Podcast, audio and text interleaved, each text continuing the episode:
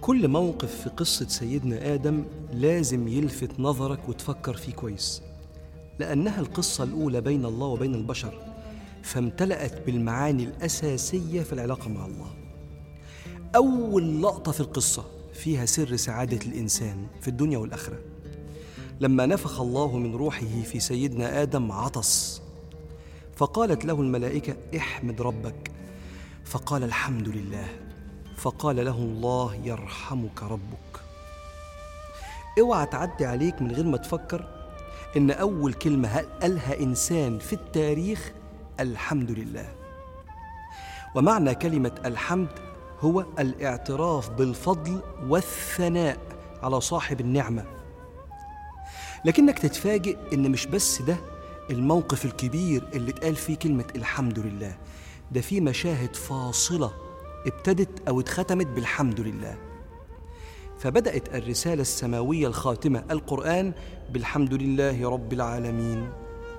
ونزل القرآن على سيدنا رسول الله بالحمد لله الذي أنزل على عبده الكتاب. ولما ربنا خلق الكون قال الحمد لله الذي خلق السماوات والأرض وجعل الظلمات والنور. وأول كلمة هيقولها الناس الطيبين لما يخشوا الجنة وقالوا الحمد لله الذي هدانا لهذا. وفي الآية الأخرى وقالوا الحمد لله الذي صدقنا وعده. وآخر كلمة هتتقال في مشهد الحساب على الإطلاق بعد ما الناس تخش الجنة والناس والعياذ بالله تخش في مكان تاني وترى الملائكة حافين من حول العرش يسبحون بحمد ربهم وقضي بينهم بالحق وقيل الحمد لله رب العالمين. إيه الحكاية؟ إيه سر الحمد؟ ليه ربنا دايما بيحبنا نقول الحمد لله كتير؟ أقول لك أنا كإنسان ناقص الأصل في الإنسان نقصان. ممكن لو جبت لك هدية أحبك تشكرني. تكبر بخاطري ماشي. تحسسني بفضلي عليك ماشي. تحترمني أكتر كلها معاني حلوة ووحشة بتحصل بين البشر.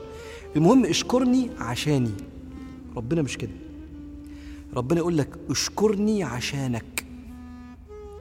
لأن ربنا سبحانه وتعالى عايزك تحس إن نعمته عليك بيتودد بيها ليك وبيتقرب بيها ليك. فكل ما تشوف نعمته تقول له الحمد لله أنا خدت بالي من ودك وحبك يا رب.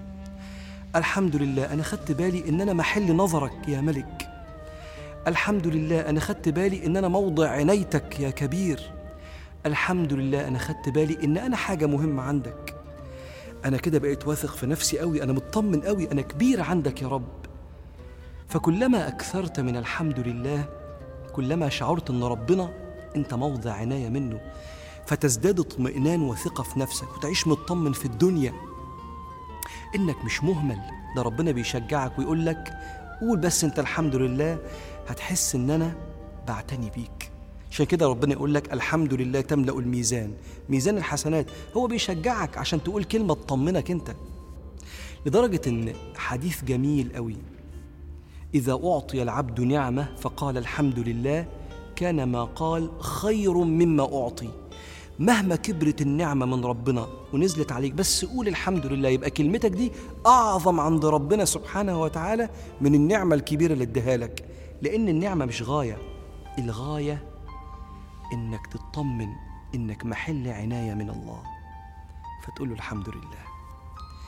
اللهم اكتبنا عندك من الشاكرين كما كان يفعل سيدنا محمد أحمد العابدين.